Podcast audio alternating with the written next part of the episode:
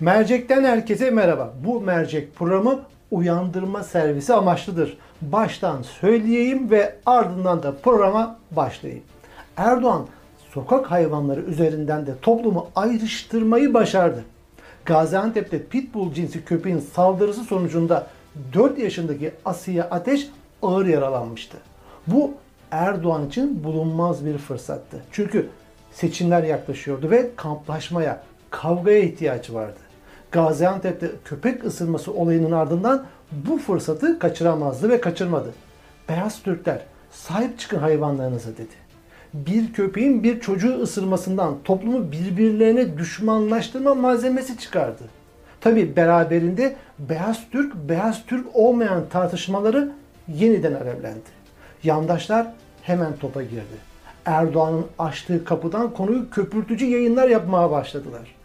Hedefte beyaz Türk olarak konumlandırdıkları vardı. Bu onlardan beklenendi ama bir beklenen daha oldu. Topa Erdoğan'ın muhalifleri de girdi. Tam da Erdoğan'ın istediği gibi. Bu muhaliflerin bir kısmı beyaz Türk olarak konumlananlardı. Diğer kısmı da Anadolu çocuğu olarak konumlandırılanlar.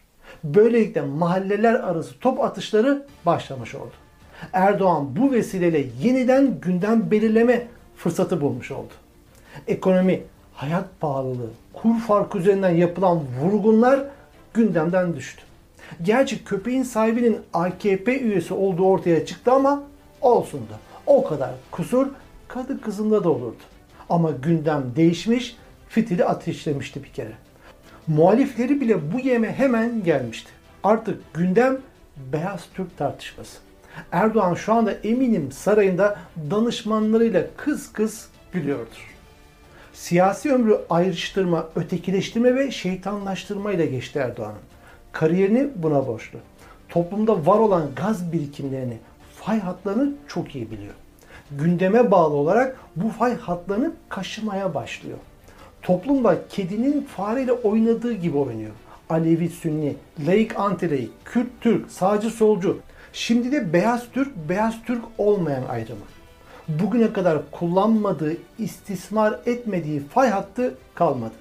Muhalif siyasi parti liderlerini yıpratmak için de bu kirli siyaseti, bu kirli dili, bu kamplaştırıcı söylemi kullandı. CHP lideri Kılıçdaroğlu için Kılıçdaroğlu sen kendin Alevi olabilirsin. Ben sana saygı duyarım. Bundan da çekinme, korkma. Bunu da rahat rahat söyle. Ben de sünniyim. Ben de bunu rahat rahat söylüyorum. Bundan çekinmeye gerek yok. Onun için milleti aldatmaya da gerek yok. Dedi diyebildi. Derdi Alevi Sünni fay hattı üzerinden siyasi çıkar devşirmekti. Bunu defaatle yaptı. Birkaç örnek vereyim. 30 Nisan 2011 Muş mitingi. Biliyorsunuz ki Sayın Kılıçdaroğlu Alevilik kültürüyle yetişmiş bir insandır. Alevidir. Meydandakiler. Yuh. 4 Mayıs 2011 Kastamonu mitingi. Hani Alevilik kültüründen gelen birisidir ya. Hani Alevilik vardır ya kendisinde. Meydandakiler. Yuh. 5 Mayıs 2011 Amasya mitingi. Malum Alevilik kültüründendir ya. Kendisi de Alevidir ya meydandakiler. Yuh.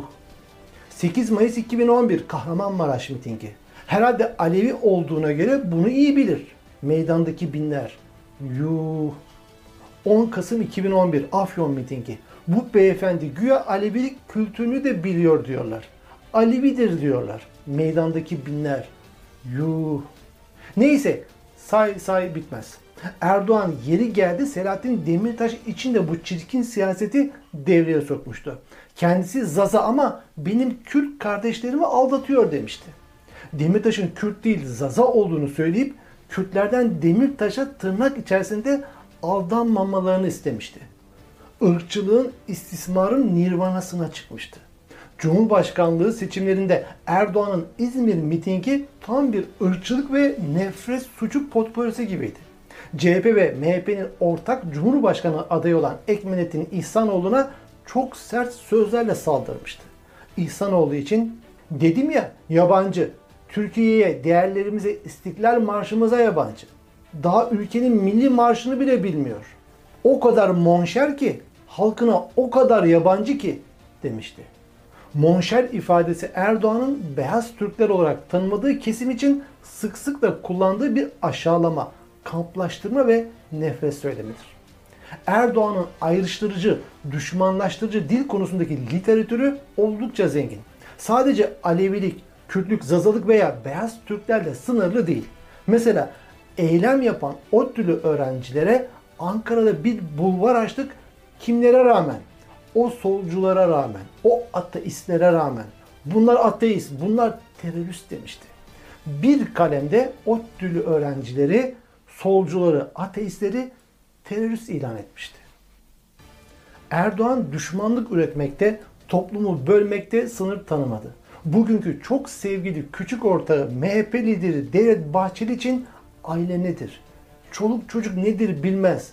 Onun böyle derdi yok. Çocuk nedir biz biliriz demişti. Toplumu çocuk sahibi olanlar olmayanlar diye ikiye ayırmıştı. Çocuk sahibi olmayanları aşağılamıştı. Yani Erdoğan, bildiğimiz Erdoğan, bugün bir köpeğin ısırmasından bile toplumsal düşmanlık çıkartmak tam ona göre bir davranış. Onun sermayesi öfke, düşmanlık, ötekileştirme, toplumu birbirine düşürme. Düzeni bu zihniyet üzerine kurulu. Aslında daha doğru bir ifadeyle onun sermayesi bu toplum. Bir türlü fay hatlarındaki gazı sağlıklı bir şekilde boşaltamayan toplum. Bırakın boşaltmayı, yangına körükle giden toplum. Oturup konuşmayı, empati yapmayı beceremeyen, aynaya bakamayan toplum. Erdoğan'ın muhaliflerinden yandaşına kadar bu rejimin işbirlikçisi olan toplum. En kısa ifadeyle bu rejime çanak tutan bu toplum Erdoğan'ın sermayesi. Erdoğan da Erdoğan'ın ortağı derin devlette zaten hep bu şekilde ayakta durdu. Böylelikle toplumun üstünde tepindi, tepinebildi. Derin devlet Sivasları, Maraşları, Çorum katliamlarını 6-7 Eylül'leri üretti. Aynı tabancadan çıkmış mermilerle sağcısını da solcusunu da öldürdü. Toplumu kamplara böldü. Birbirine düşman etti. Toplum da zaten buna teşneydi. İçinde o mikrobu taşıyordu. Kendini o mikroptan temizleme kabiliyeti de hiçbir zaman olmadı. Olmayınca da istismar edeni hiç eksik olmadı. Bu sebeple böl parçala, birbirine düşür ve yönet. Türkiye için iyi bir yönetim aracı oldu. Erdoğan'ın kendisi de zaten kamplaşmış, birbirine düşman edilmiş bir toplumun sonucu. Baskı altına tutulmuş, ötekileştirilmiş, aşağılanmış kesimin muhafazakar mahallenin ürünü. Daha doğrusu o mahallenin kusması. Şimdi intikam peşindeler. Erdoğan bu damarı çok iyi kullanıyor. Adeta bitmez bir sermaye bu. Neyse merciyi artık bağlayayım. Yayının başında dediğim gibi bu uyandırma servisi amaçlı bir yayındı. Toplumsal barışı sağlayamadığımız sürece, kamplara sokulmuş bizler, kamp duvarlarını yıkmadığımız sürece, bizim gibi olmayanlara, bizim gibi düşünmeyenlere empati yapmadığımız sürece, ona Alevi, buna Kürt, şuna cemaatçi, öbürüne beyaz Türk diyerek rejimin aparatları olduğumuz sürece bu faşist rejim üstümüzde tepinmeye hep devam edecek. Erdoğan olsa da olmasa da. Şimdi sorayım. Gaziantep'te ısıran o köpek miydi sadece? Elbette değil. Toplum olarak bu kafa devam ettiği sürece birileri tarafından ısırılmaya hep devam edeceğiz.